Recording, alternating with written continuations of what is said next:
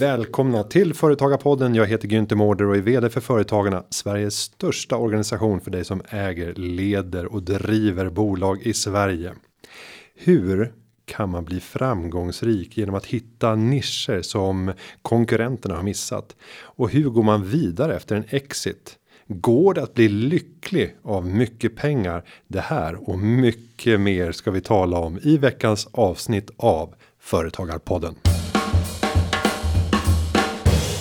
Vi säger varmt välkommen till Jon Strand. Han är göteborgaren som grundade Strands. Ett av Europas snabbast växande varumärken inom fordonsbelysning.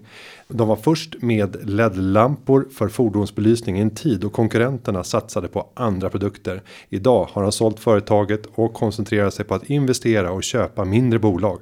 I det här avsnittet ska han dela med sig av sina klokaste beslut och kanske sina största misstag. Varmt välkommen Jon. Tusen tack. Härligt att ha dig på plats. Eh, hur känns det när man blir presenterad sådär? Ja, vad, lite surrealistiskt. Vad, vad, eh, vad borde berättelsen och introt rymma för att bli mer komplett tycker du?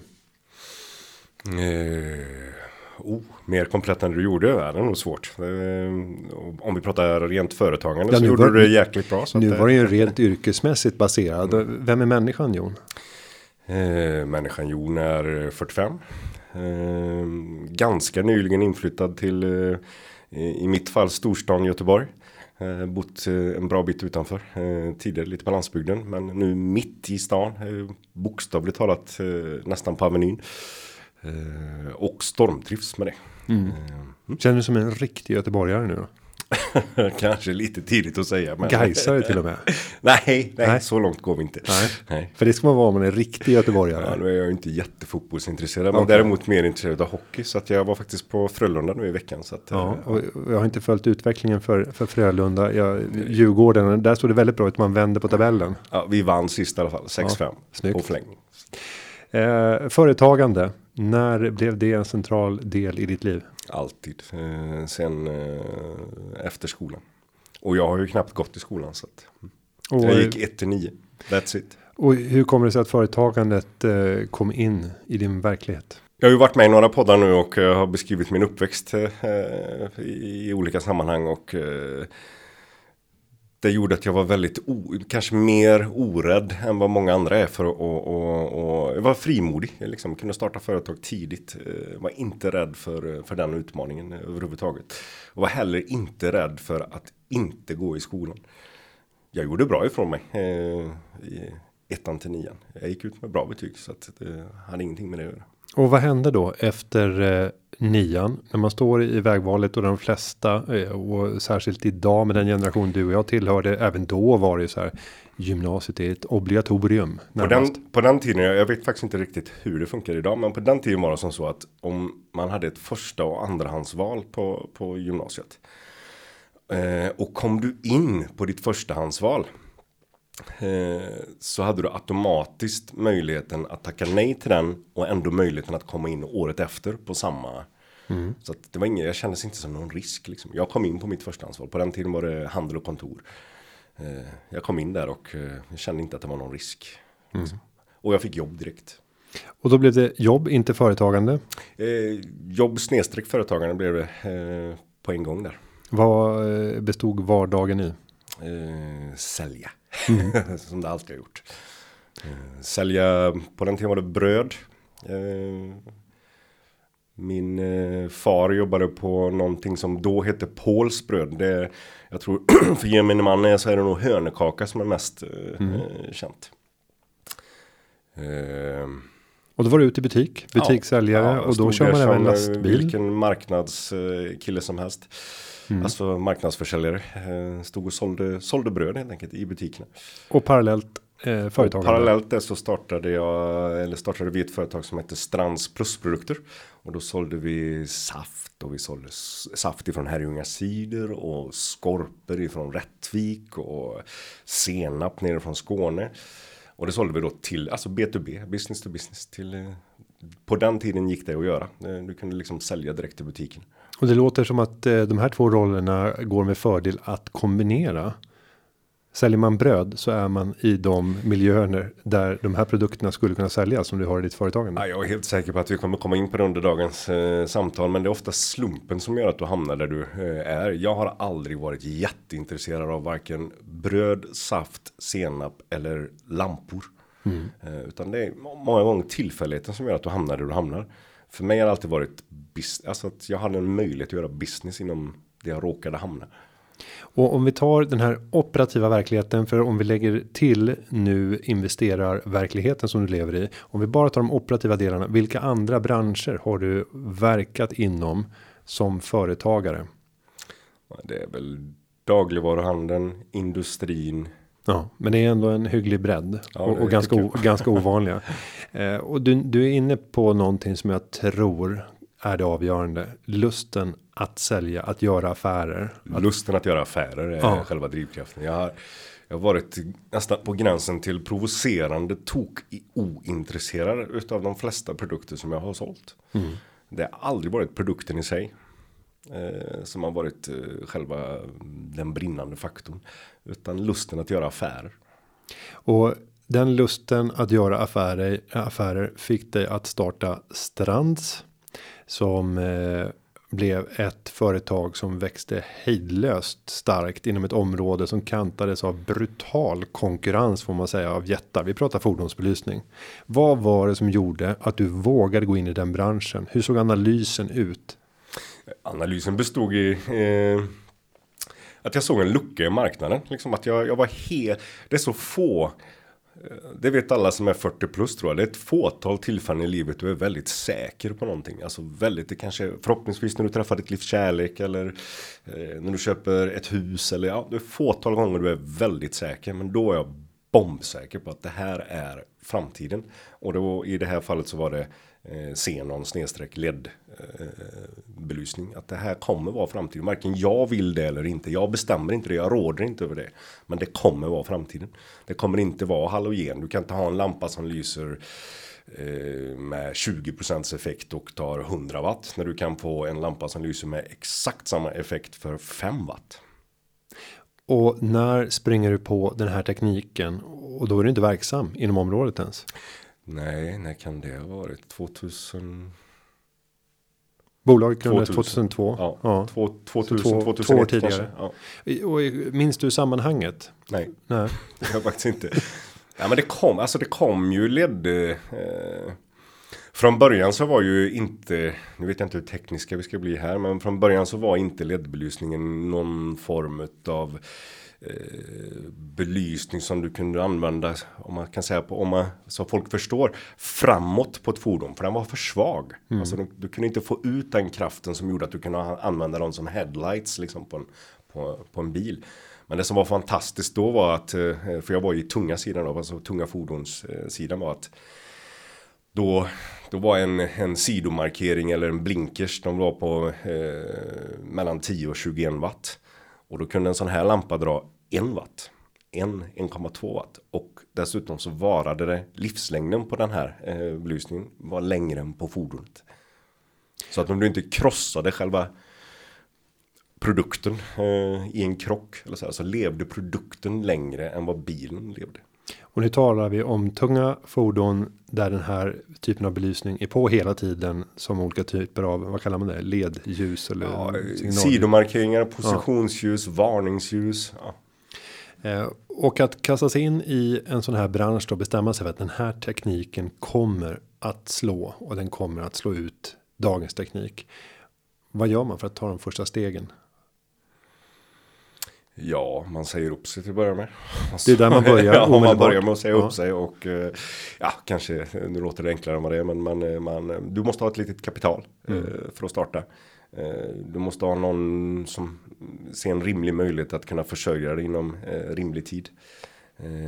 Och var hade du kapitalet ifrån? Jag hade sparat pengar. Jag hade, ja som sagt, som jag sa tidigare, att jag började jobba så otroligt tidigt. Jag var 15 år när jag började jobba och eh, var väldigt duktig på det jag gjorde. Eh, och tjänade väldigt mycket pengar för att vara en 15-åring. Ja men en bra säljare. Ja. ja det brukar synas. Ja, men att, man brukar också göra av med pengar. Eh, om man är en duktig säljare. Det gjorde jag också. Ja, du har testat det i livet. Jag har testat det också. Eh, men inte i, inte i samma utsträckning som de kom in i alla fall. Så att då blir det plus. Och, och eh, om vi innan vi går vidare på uppbyggnaden av, av företaget. Bara titta på den delen. För många drivs ju av just pengarna. Eh, inledningsvis i alla fall. Vad, vad är din erfarenhet längs resans gång? Hur har eh, pengar fungerat som drivkraft? När man startar företaget så är det nog faktiskt inte den största drivkraften. För då har du en idé. Liksom. Du har en mm. idé och du vill att den ska flyga.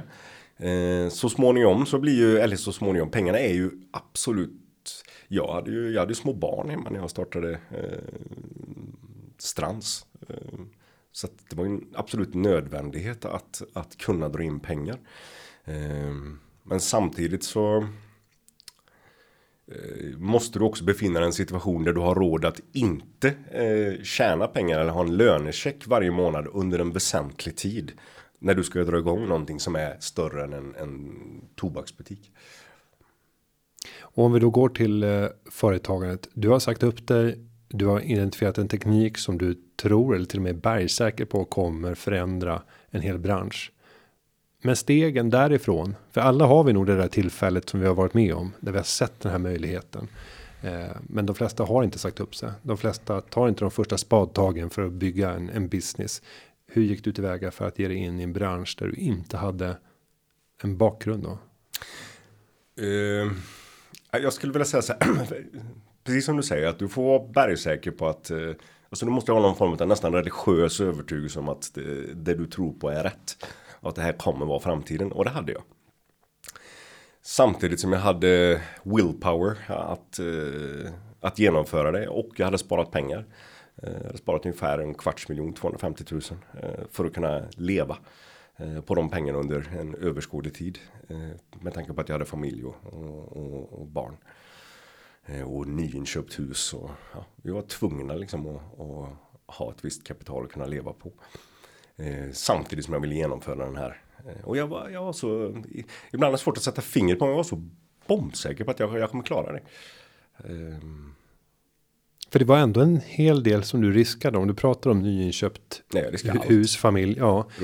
Om allt jag hade sparat, ja. Eh, hela, ja, allt. Alltid, all alternativkostnad. Som... Jag lånade pengar också, jag lånade både från Almi och från banken. Mm. Har, du vågat tänka tanken i efterhand om det hade slagit snett? Vad, vad hade hänt? Det finns inte. Nej.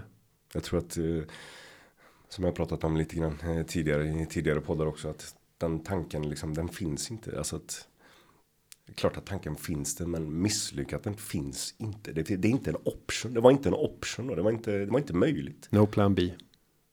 Eh, no plan B då. Nej. Nej, det är ju. Eh, och jag kan, jag också som jag sagt tidigare, tror att det är delvis nyckeln. Mm. No plan B.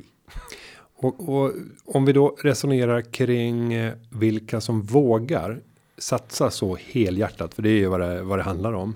Eh, om man hade skaffat sig utbildning då, först gymnasium tre år, sen kanske gått fem år i eh, universitetsutbildning. Eh, helt plötsligt så är det någonting annat som ska ge en avkastning. Du har en alternativ karriär där man kan börja i konsultbolag kanske och få en rätt hygglig lön. Tror du att det är lättare att våga om man inte har gått så att säga, den traditionella vägen där man har riskminimerat för någonstans så handlar ju hela utbildningsvägen om att man kanske inte tror att man kan greja saker på egen hand utan man behöver andra typer av egenskaper eller kunskaper för att överhuvudtaget. Jag, tror att det har otroligt lite att göra med själva utbildningen i sig. Mm. Det har nog mycket mer att göra med din egen bakgrund och vem du är och DNA och ja, lite allt möjligt. Men inte med själva utbildningen. Det är inte utbildningen som, som eh, avgör om du vågar eller inte vågar. Det, det, det, tror jag inte för ett ögonblick. Ja, jag tänker att, att det, det, sänker lusten att våga. Alltså ju mer man har spenderat i utbildning desto lättare är att se att här finns ett annat tryggt liv med lönen 25 det är en möjlig chefskarriär tjänstebil. Ja, både, både, både, jag tror både och för att jag menar jag skulle kunna jag skulle kunna hävda samma sak. Jag var 18, 19, 20 år och eh, på det, i dagens pengar eh, mätt kanske hade 40-45 tusen i månadslön. Mm. Eh, det skulle göra mig mindre att jag, var, att jag hade det bra helt enkelt. Mm. Men det gjorde det inte, det, det sitter inte där. Nej. Och, och det du beskriver det är ju en människa som drivs av att göra affärer. Eh, där finns det fantastiska möjligheter oaktat eh, utbildning. Eh, och det ser man tycker jag rätt ofta personer som har eh, lyckats formidabelt inom sälj och det finns ju säljdelar där beloppen är annorlunda. Ta inom finans. Jag vet flera som har vuxit upp i och fått göra entré på finansmarknaden på 80 och 90-talet. Utbildades inte utan är självlärda eh, och sitter man och jobbar med råvaran pengar och är duktig på sälj och få institutioner att vända sitt kapital och så skära procent varje gång. Mm. Ja, men det är ju alltså det. när du pratar om kapital och pengar och, och jag, jag, älskar när du säger att det är en råvara för att det är precis så jag alltid har sett på det. Så, mm. Eh, både med pengar och banker och, och, och dylikt att det är en råvara. Eh, pengar är eh, någonting som banker säljer för lite mer än vad de är värda och det tjänar de pengar på. Mm. Och ditt jobb som företagare är att tjäna pengar, alltså att dra in dem. Och helst inte lägga dem på banken. Men då tar vi den här tekniken, ett nystartat bolag 2002. Du har sagt upp det, du satsar allt på att eh, erövra marknaden. Om vi tar den resa som följer sen de första, låt oss säga åtta åren fram till 2010. Hur skulle du beskriva? Jag skulle första vilja, vilja beskriva det som att eh, eh, Strands är ett jädra ro, ursäkta att jag svär, men ett jädra roligt bolag. Eh, om, man, om man har möjlighet att gå historiskt tillbaka och titta tillbaka på det såg ut från 2002 och sen fram till för tio år sedan då, precis som du säger. Eh, så startades det bolaget säkert en handfull gånger. Vi gjorde massvis med olika saker för att eh, survive. Eh, för att vi såg olika möjligheter, olika nischer, olika, vi har varit postorderföretag under, under flera år. Eh, jag har sålt allt ifrån eh, eh, rosa verktygskit till tjejer till eh, eh, lastbilsgardiner som de har inne i sina hytter i krossad plysch. Eh, vi har, ja, det känns som att vi har startat det flera gånger. Eh, tills vi liksom hittade eh, helrätt eller tills det var hundra moget för ledbelysningssidan. Vi hade ledbelysning från absoluta första början. Men det tog en stund innan marknaden mognade. Och om man tittar på produkterna idag så ser det ut att vara ett ganska högt slag av designinnehåll i det. Exakt. Eh, var det det redan från start eller Nej. är det något det har vuxit fram? Ja, det är typ fjärde gången vi, vi, vi startade. Mm. Inte startade, men eh, jag tror du förstår min poäng. Mm. Eh, när vi omdanar liksom att vi bestämde oss för att vi ska aldrig mer ta in det vi kallar standardprodukter från Asien eller från Östeuropa som är tillverkade i massproduceras av olika eh, fabriker som ser ungefär likadant ut över hela världen utan vi ska äga hela våran kedja så och det gör vi idag. Mm. Eh, Strands har inte släppt en produkt de sista åren som inte en enda som de inte äger 100%. Antingen så äger vi, alltså inte antingen utan vi äger hela kedjan. Alltifrån e-märkningar som man säger, alltså godkännanden i Europa till, till designen, till patent, till ja, rubbet. Det är våran produkt. Mm. Och det har varit totalt avgörande från de sista årens eh, utveckling. För att de sista åren så har ledtekniken exploderat alltså i, i worldwide och i, nu är det det som gäller. Punkt. Och våran räddning inom situationstecken eh, har varit att vi just äger produkten. Så ingen kan komma och säga att ja, men vi har en likadan produkt. Nej, det har du inte. Mm. Och, och ni har valt att aldrig sälja den hos någon annan, eller? Nej, jo, jo, jo. Vi, jo, alltså, jo. vi, vi lever på att sälja B, ja, ja. B2B. Mm. Eh, vi har ju sedan flera år tillbaka ingen som helst. Vi var ju, vi var ju våran bransch första näthandlare. Mm. Eh, men har sedan flera år tillbaka ingen som helst försäljning ut till, till slutkund. Utan allting går genom eh, återförsäljare och distributörer. Mm.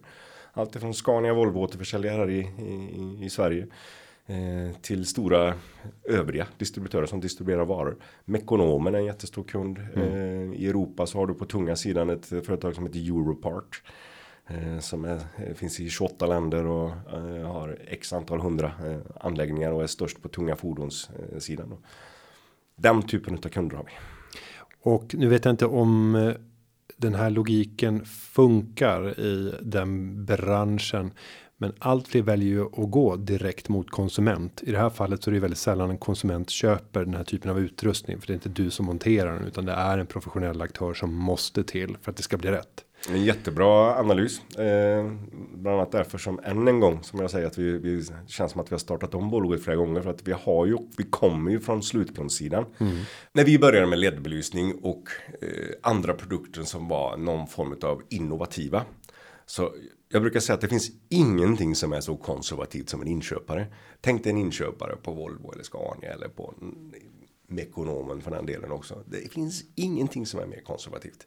För de sitter ju i, i, i stort sett alltid och säger så här att äh, vad, vad, har du att erbjuda? Ja, det här. Ja, det är ingen som har frågat efter det. Ja, och du då som sitter och har en innovativ produkt.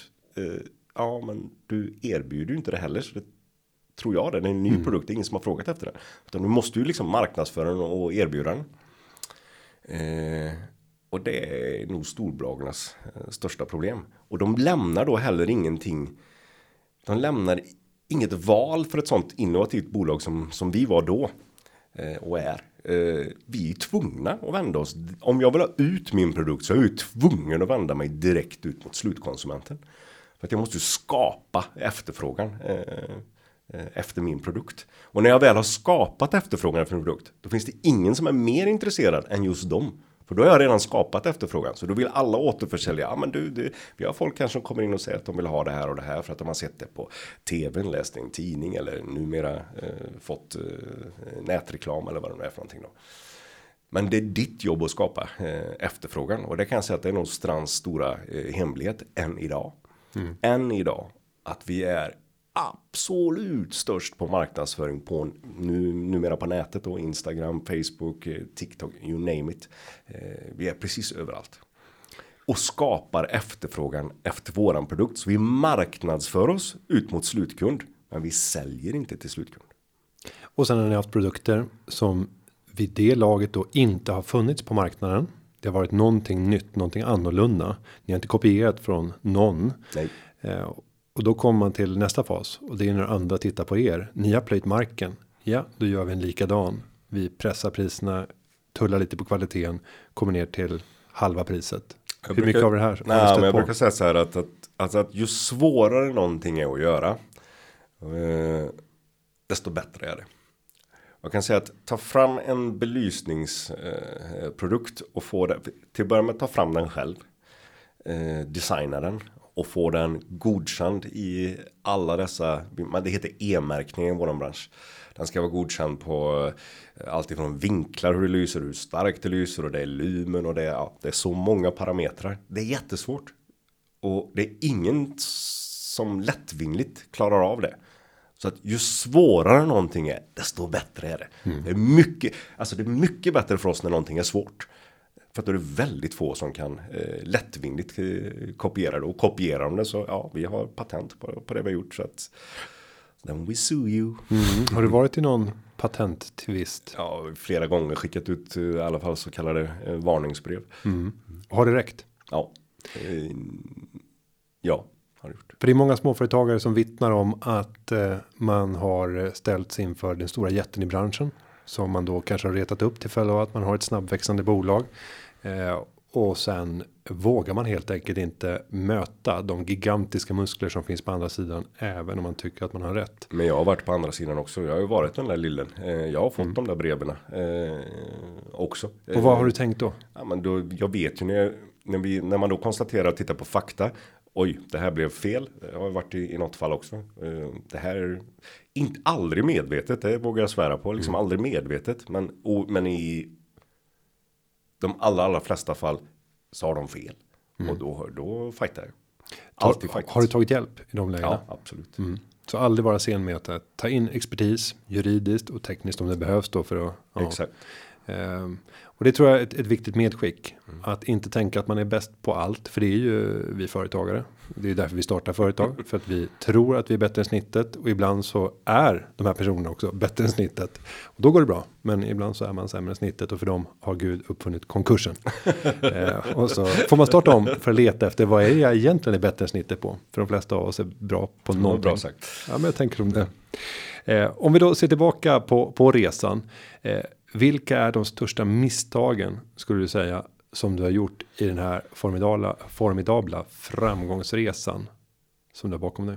Jag får nog vara väldigt kaxig och säga att jag tycker jag har gjort väldigt få misstag med, med, Mm. med, med, med Strands eh, satsningen och den lilla eh, koncernen som det blev.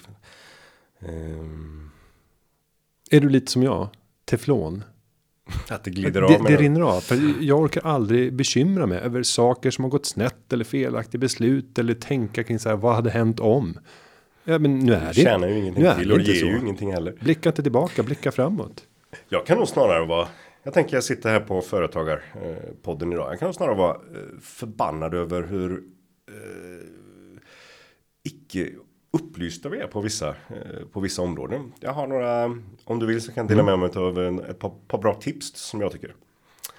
Eh, I Sverige och i, inte hela Norden, men utav flera av våra eh, närliggande länder så är vi väldigt transparenta med, när det gäller eh, våra krediter. Eh, om du ska göra affärer med eh, antingen din granne eh, privat eller om du vill göra affärer med, med Volvo AB så kan du trycka på en knapp på datorn, betala en liten peng och få ut en, en, en kreditupplysning som ger dig fantastisk information. Men så funkar det inte i resten av Europa. Resten av Europa så finns inte det och existerar inte. Och Strands har sedan många, många år tillbaka eh, sin absolut största eh, del av omsättningen utanför Sveriges gränser. Så det har varit problematiskt. Eh, och försöka få reda på vem du kan lämna eh, kredit till och inte eh, lämna kredit till. Då upptäckte jag för några år sedan och det här är, det här är för mig fortfarande helt sjukt. Och jag har pratat med våra absolut största banker vi har här i, i, i Sverige. Nordea, eh, SEB, you name it. Och de vet knappt att det existerar. Men det är någonting som heter kreditförsäkring.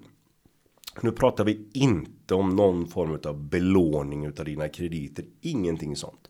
Utan du betalar en fantastiskt liten premie. 0,0 någonting eh, eh, procentenhet. För att, för att försäkra 90% utav det du eh, har gett ut i, i krediter till dina kunder. Det här i sig är ju helt fantastiskt för att som företag är du ju safe. 90% är utav allt du fakturerar är safe. Så länge du har fått godkänt ifrån eh, de här kreditförsäkringsbolagen. Och det här det är inga småbolag. Vi pratar några av Europas största bolag. Eh, ett, att det är fantastiskt. Två, att du får ingen som helst nytta av det i Sverige. Egentligen borde det betyda att du borde ha lättare. Tänk dig själv när du går till banken och säger så här att ja, men jag skulle vilja ha en checkkredit på 50 miljoner eller en miljon eller vad du nu vill ha.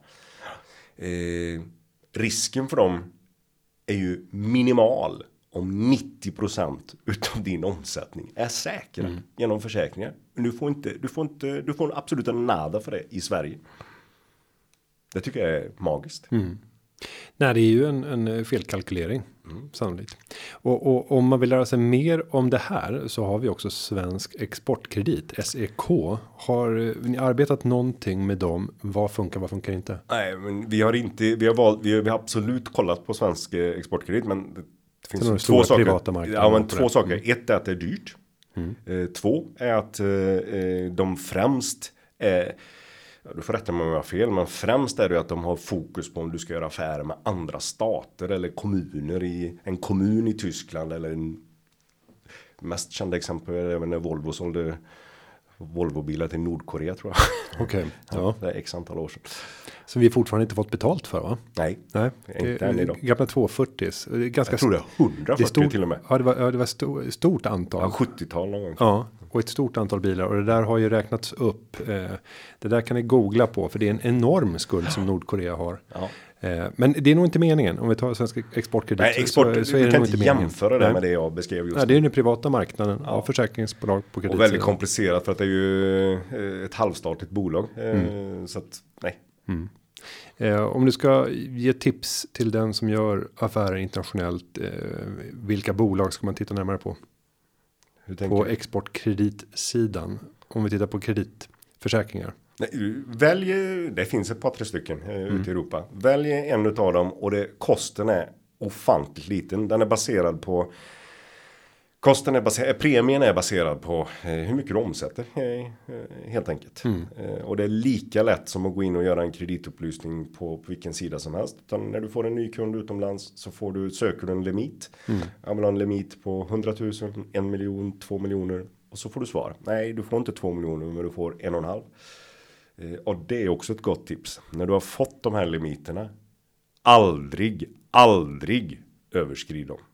Du, du säljer inte mer eh, till den kunden förrän de har betalat. Punkt. Om du ska sova gott. Och du ska växa fort. Så man växer den takten som Strands har växt. Eh, så har du inget alternativ skulle jag nästan säga. Om du ska sova på natten.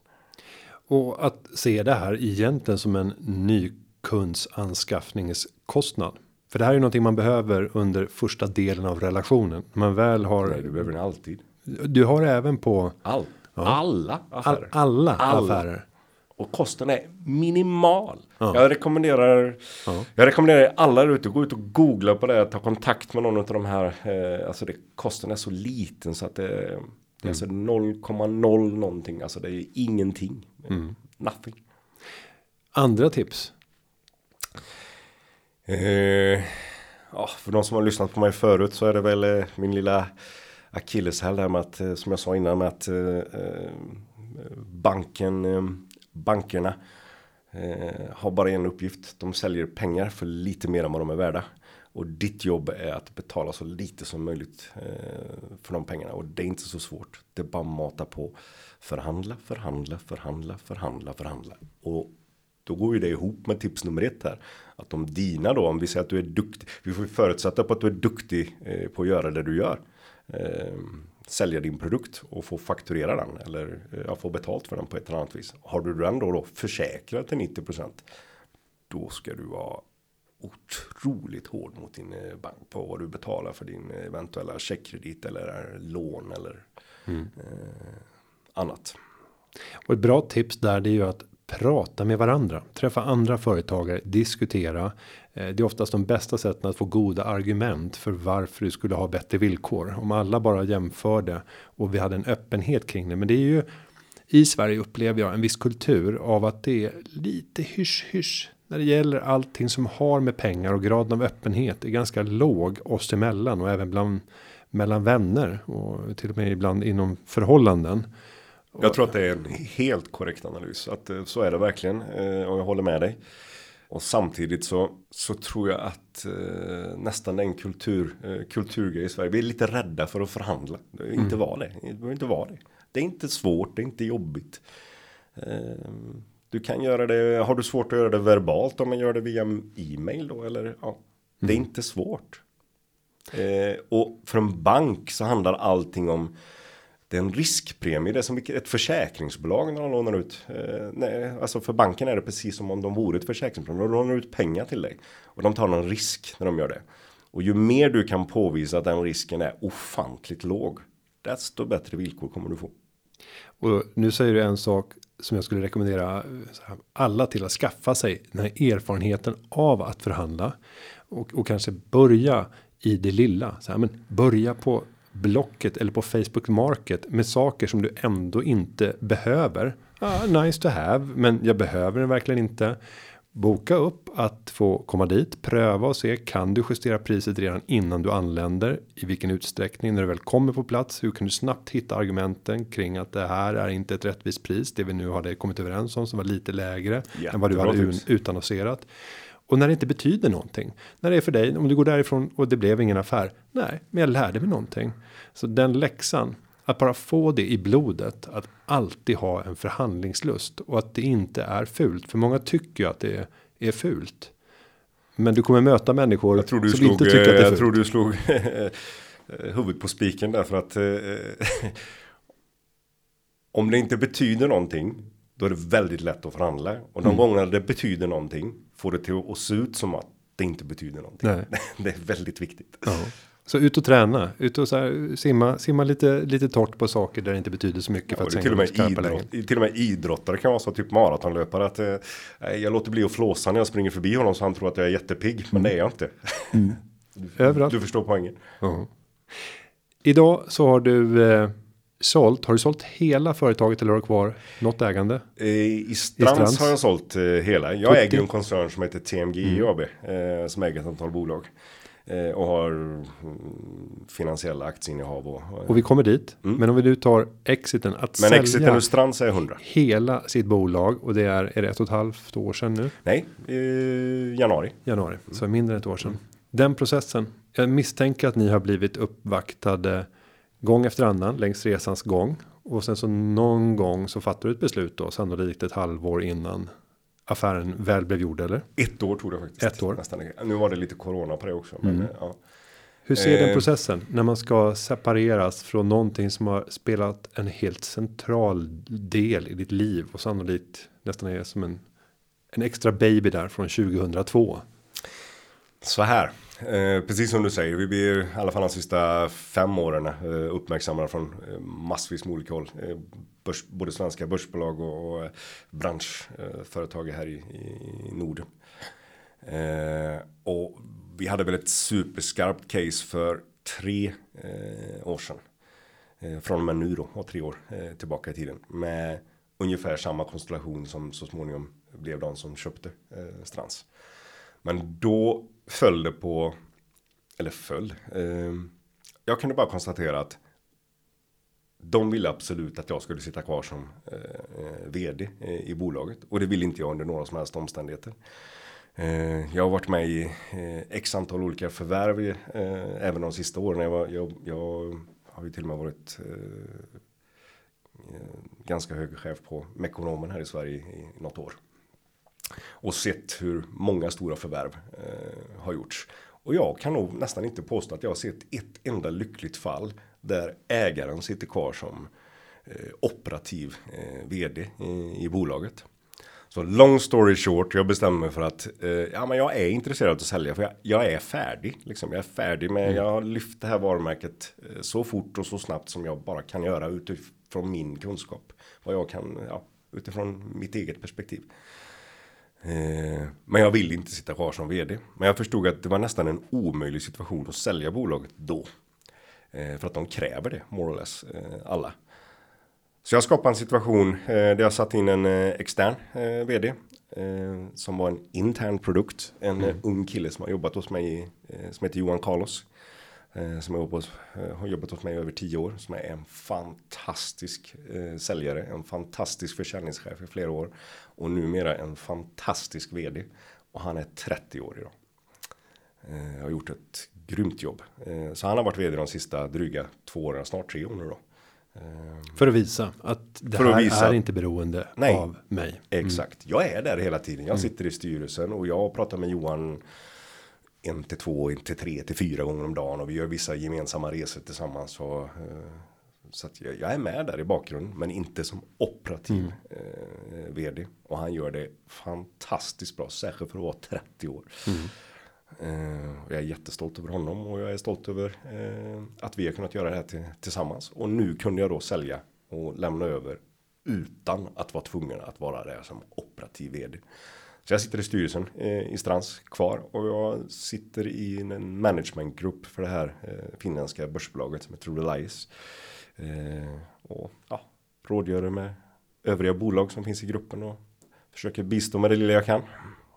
Och blev det nästan över en natt en helt förändrad verklighet eller hade det här vd skiftet inneburit att det blev en successivt förnyat liv för dig när det gällde hur dagarna såg ut? Det sistnämnda. Ja, Plus att jag gjorde, när jag lämnade över vd-skapet eh, till honom så tog jag ett interint. Eh, jag fick en förfrågan ifrån eh,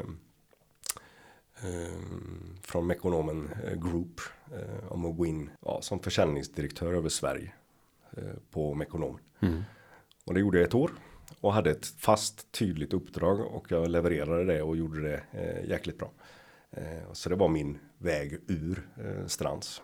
Men samtidigt så insåg Det, jag då att... det, lå- det låter som kriminellas revansch i samhället här. Ja, det, Vad var det som gjorde ja, men att samtidigt kom insåg jag efter det där året på, på, på Mekonomen. De ville att jag skulle vara kvar. Men jag insåg att jag kan.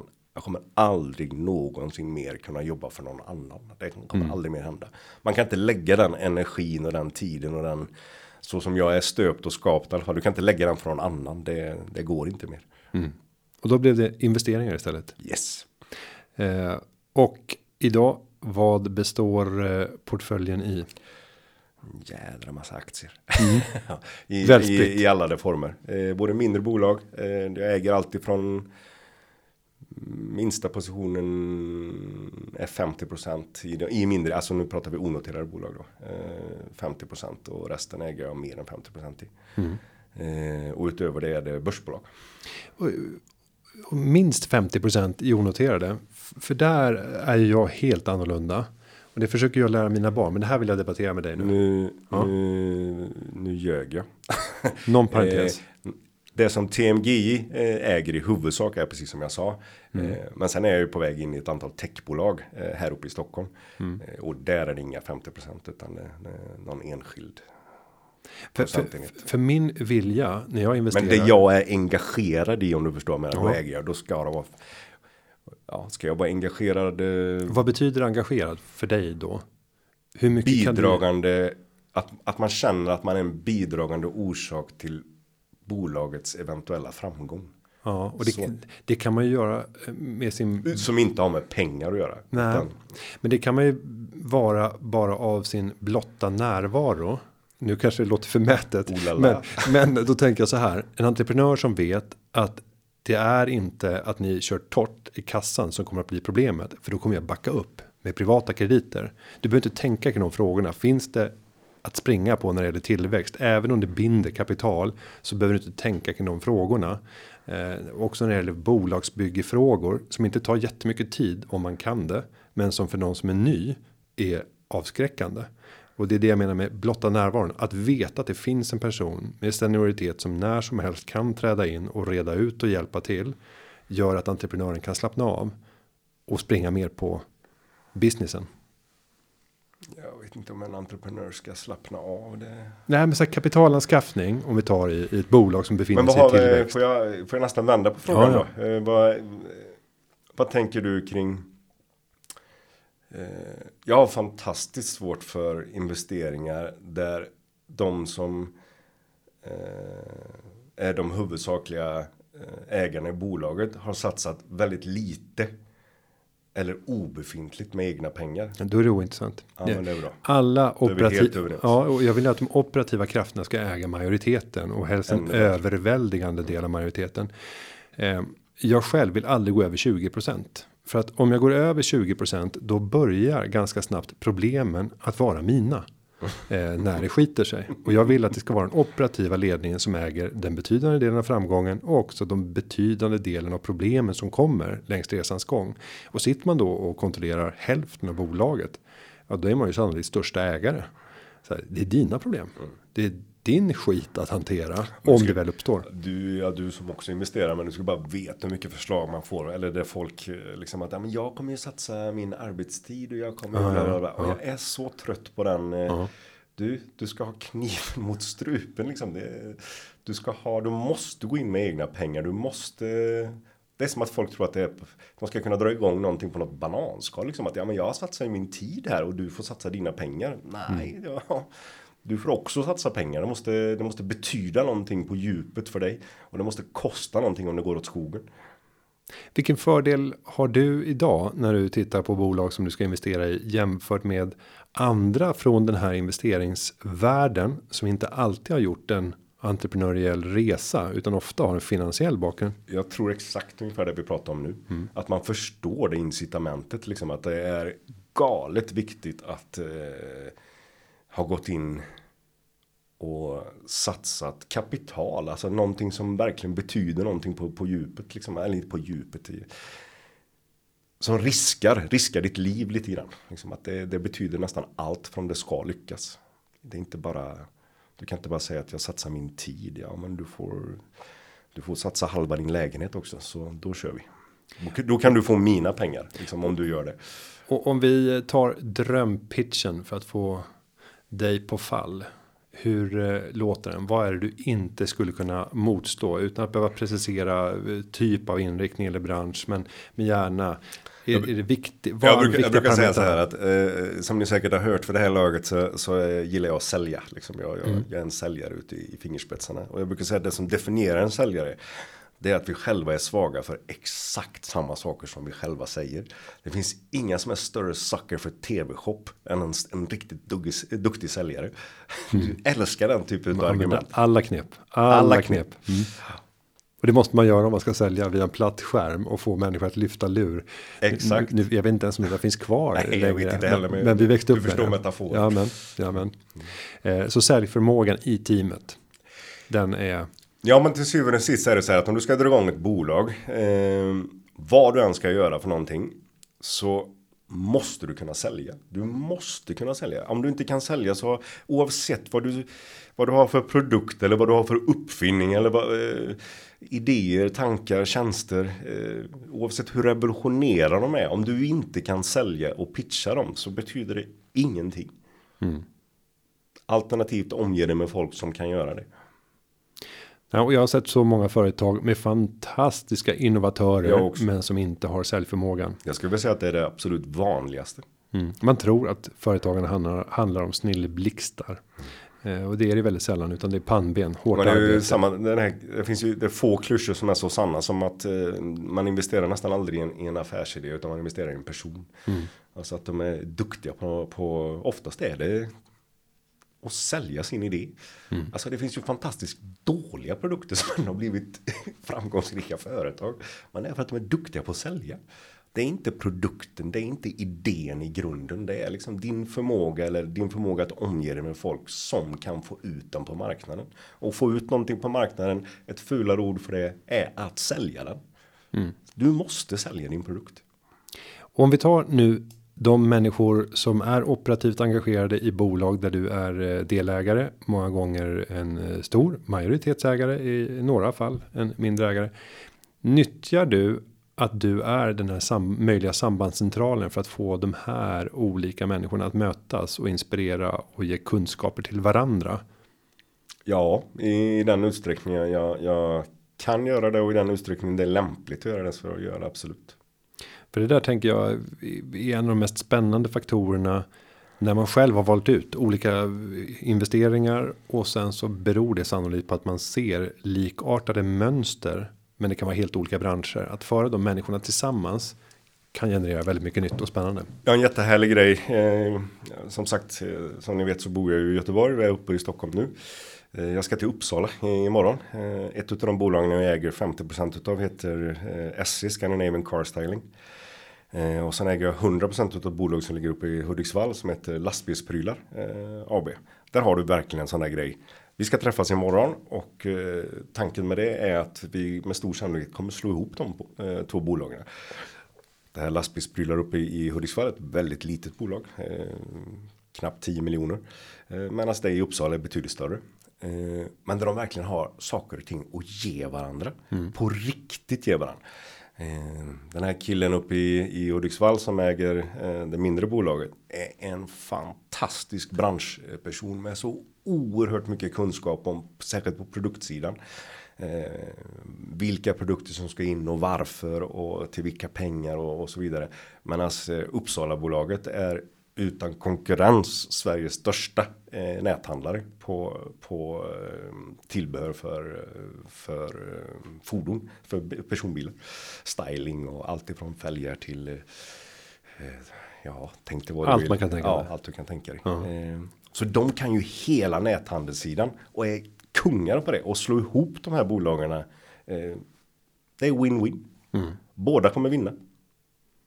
Nej, och det där är ju också spännande när man ser en industriell logik i att göra strukturförändringar som gör att man blir ännu mer kompetent. Där, ja, vi ska ta klyschor igen. Där ett plus ett inte bara är två. ja. ja, väldigt roligt. Om du ska få ge eh, några avslutande tips till eh, våra lyssnare och några av dem har ju faktiskt ännu inte valt att förverkliga den där idén som man känner sig kanske bergsäker eller kanske lite säker på. Vad ska man tänka på i de där lägena när man står inför en uppstart? Det de sannolikt gör nu med podden, det är ju att försöka här, fylla sig själv med mod genom att skaffa sig kunskaper, få lyssna till andra som gjort resor. Vad ska de tänka? Jag skulle vilja säga så här att det är totalt omöjligt att skapa eh, ett bolag. Eh, Okej, okay. om vi undantar bolag som bara blir ett rent försörjningsföretag. Mm. Alltså att du bara ska sätta bröd på, på, på bordet. Det kan jag vet väldigt lite om. Men om vi pratar att du ska bygga ett bolag. Då kan du omöjligen göra det utan att ta risk. Men kalkylerad risk. Du, må, eh, du, måste vara beredd att ta en väldigt stor risk. Eh, troligtvis leva under eh, lång tid utan inkomst. Eh, eh, och din affärsidé kommer vara riskig på ett eller annat vis. Men den ska vara kalkylerad. Eh, du är inte dumdristig. Det är inte här handlar inte, inte här är inte som att köpa en lott. Utan inte dumdristigt utan du får räkna på det helt enkelt. Prata med din bank, prata med presumtiva kunder, prata med, men du måste någonstans vara beredd att ta en risk, men kalkylerad. Det ska vara alltid en kalkylerad risk. Inga lotterivinster. Mm. Och kanske nummer två, det är, det låter nästan motsägelsefullt, men eh, du måste också våga göra det. Bara gör det. Gör det. En dag så ta beslutet, gör det. Mm. Så länge det är en kalkylerad risk. Inga, ingen idioti, utan en kalkylerad risk. Men gör det. Om du, om du aldrig gör det så händer det inte. Om du inte tar ditt beslut någon gång. Du måste vakna upp en tisdag och, och säga att nu gör jag det. Nu säger jag upp mig. Nu, nu händer det. Nu går jag till banken. Nu, nu har jag sparat tillräckligt. Eller ja, gör det. Jag tycker det är en fantastisk sammanfattning. Vi säger så. Tusen gör, tack. Gör det. Ja, gör det. Ja. Jongstrand, stort tack för att du kom till Företagarpodden. Tack så mycket. Tusen tack. Underbart. Eh, och jag ska säga om du vill ha mer inspiration kring att starta företag gå in på företagarna.se. Under fliken driva eget har vi samlat mängder av inspiration och kunskap. Den här podden den är klippt av Petra Chu och underlaget är gjort av David Hagen. Vi hörs igen nästa vecka. Tack och hej.